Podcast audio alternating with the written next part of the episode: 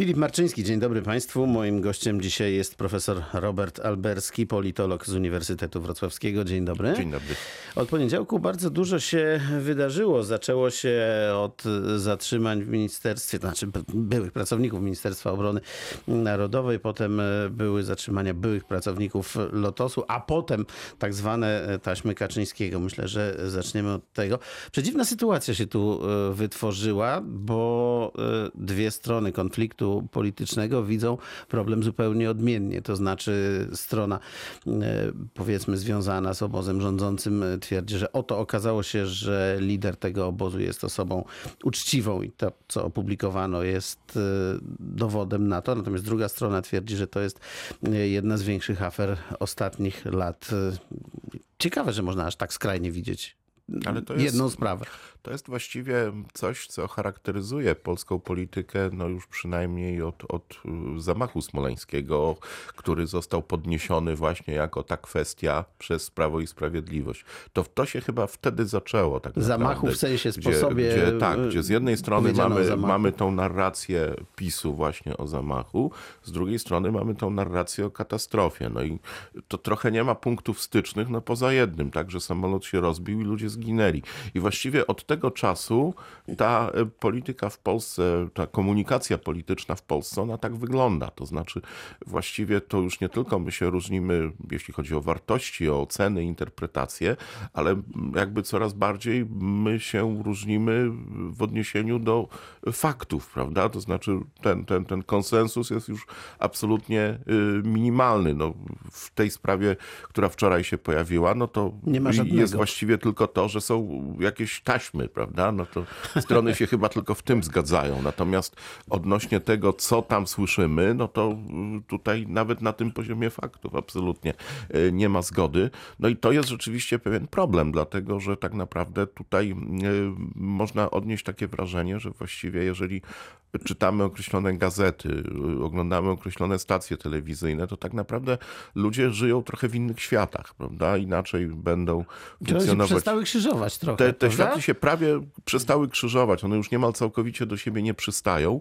A, no, a rzecz się toczy przecież jednak w jednym społeczeństwie, wśród ludzi, którzy generalnie żyją obok siebie i którzy generalnie w innych obszarach siłą rzeczy muszą e, jakoś współpracować, funkcjonować. Natomiast ten obraz życia publicznego on się kompletnie rozjeżdża i tutaj ta sprawa dokładnie to pokazuje, prawda? Ale jak mówię, to jest, e, można powiedzieć, narracja, którą PiS nam narzucił już kilka lat temu właśnie przy okazji Smoleńska. Ta, ta poetyka zamachu, która została jak gdyby przyjęta przez, przez część opinii publicznej, no ona właśnie spowodowała ten, ten, ten dualizm i my dzisiaj na tym w gruncie rzeczy cały czas mm, tkwimy w tym. Natomiast tu jeszcze trzeba dołożyć media społecznościowe, które temu znakomicie y, oczywiście również sprzyjają, bo tam mechanizm działania tych mediów ja ogóle... jest też taki, że budują takie bańki. W ogóle myślę, że kiedy ich nie było, to ta polaryzacja była pewnie mniejsza, bo też mniej było platform y, dyskusji, czy też powiedzmy stykania się poglądów jakby, ale, ale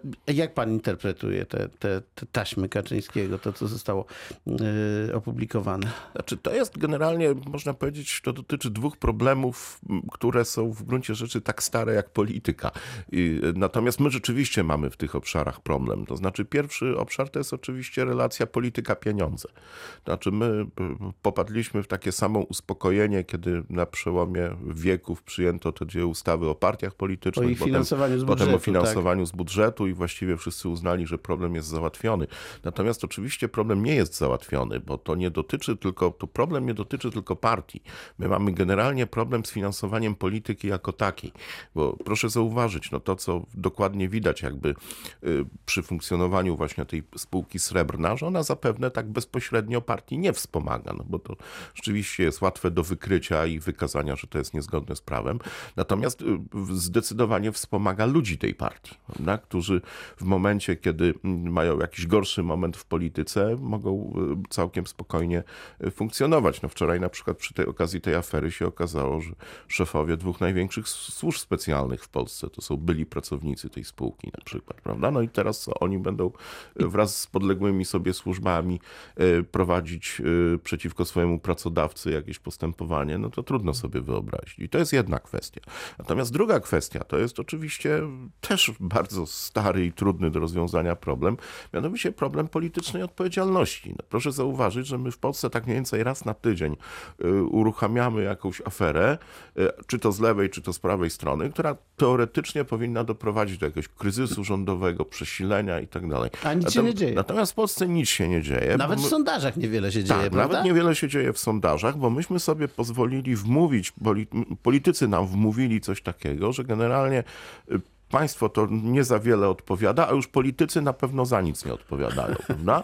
I w Polsce coś takiego, że właściwie to wczoraj na przykład y, w jednym z programów telewizyjnych Andrzej Dera powiedział coś takiego. No przecież tu nie ma żadnego przestępstwa, a tu nie chodzi o przestępstwo. Natomiast myśmy problem odpowiedzialności politycznej kompletnie zagubili. To znaczy u nas właściwie tak naprawdę dzisiaj politycznej odpowiedzialności po prostu y, nie ma. Proszę zauważyć, no sprawa na dużo niższym poziomie, no ta afera dotycząca tego mięsa, prawda? Gdzie tu widać, że ten proceder mógł kwitnąć tylko dlatego, że pewne struktury państwa po prostu nie działają.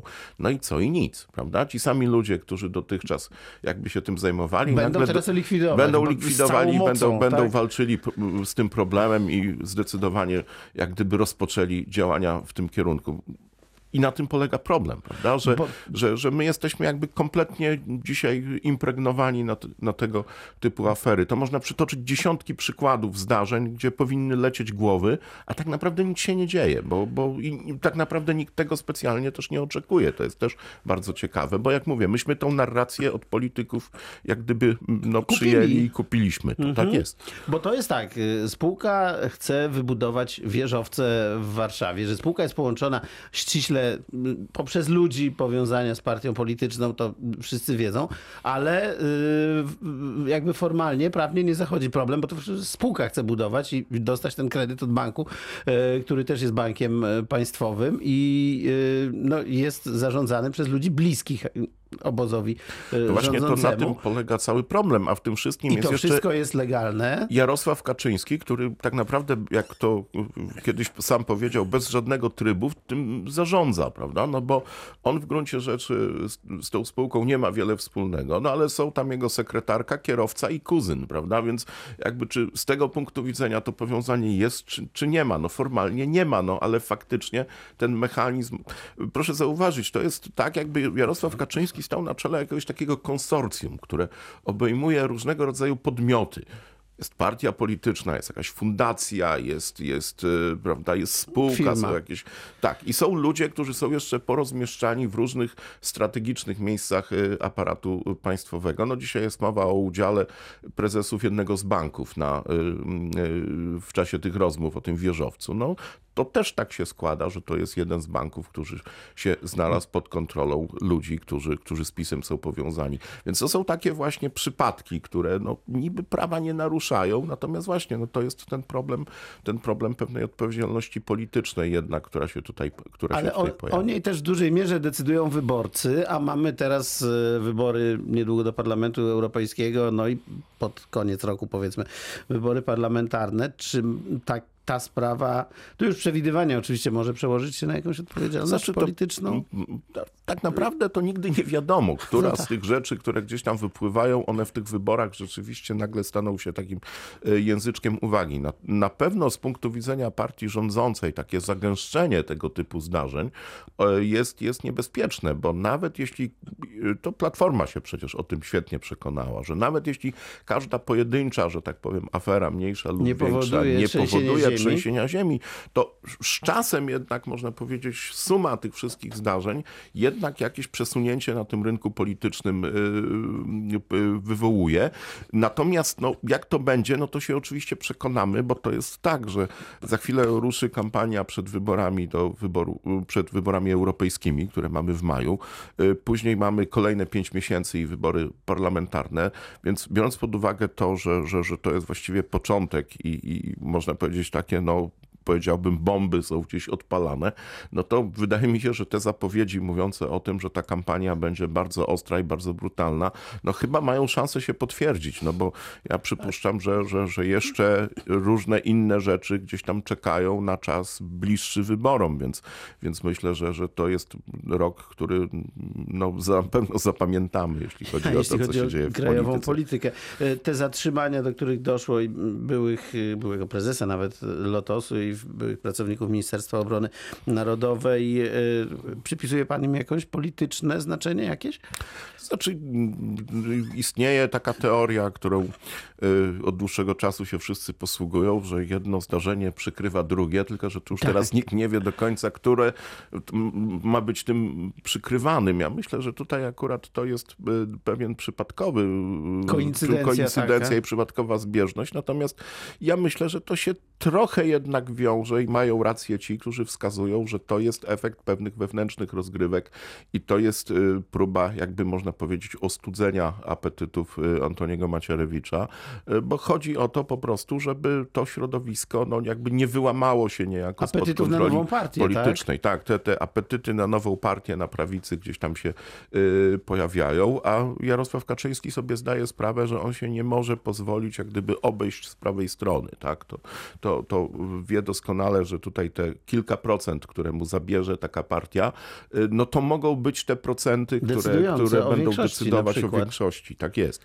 A nawet jeśli no, taka partia gdzieś tam w przyszłości zgodzi się na współpracę, no to już jako niezależny podmiot, to ta współpraca będzie wyglądać na, zupełnie inaczej niż dzisiaj wygląda współpraca z partią Gowina czy, czy Ziobry, które tak naprawdę no, nie sprawiają y, żadnych problemów, są właściwie całkowicie podporządkowane PiSowi.